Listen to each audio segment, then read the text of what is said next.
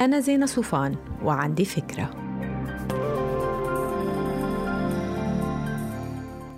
هاي تعالوا اليوم نحكي عن الفرق بين الحساب الجاري وحساب التوفير.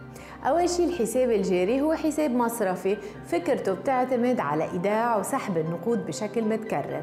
حركة التعامل عليه سريعة. ممكن إعطاء العميل دفتر تشيكات لسهولة التعامل على الحساب. وعادة ما بتكون هاي الحسابات يا أما بدون فايدة أو بفايدة قليلة جداً. حساب التوفير بالمقابل هو حساب بنكي طويل الأجل.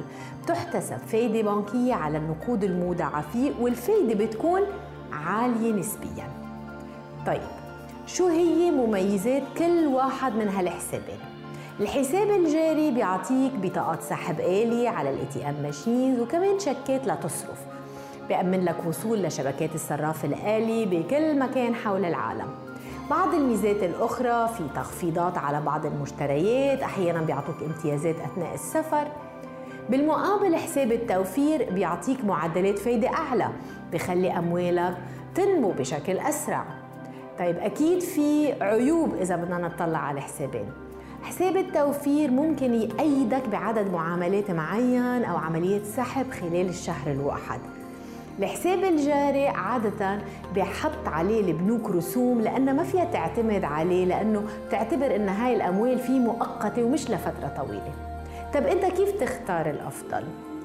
بحساب التوفير فتش عن الحسابات اللي بتعطي الفايدة الأعلى واللي عليها الرسوم المنخفضة أو اللي ما عليها رسوم وعلى فكرة هيدا موجود بسبب التنافسية العالية بين البنوك بالحساب الجاري اختار البنك اللي بيفرض رسوم أقل وبقدم تسهيلات أكثر بالمعاملات اليومية وبالتسديد وبيوفر امتيازات تانية هل ممكن إنه نفتح حسابين معا؟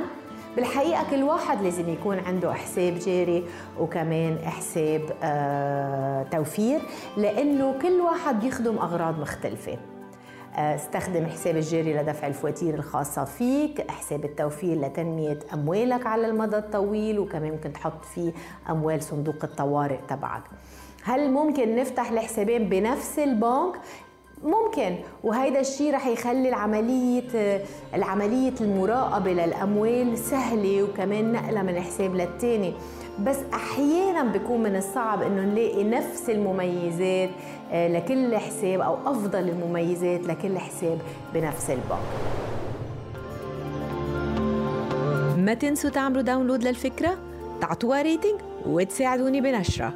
bye.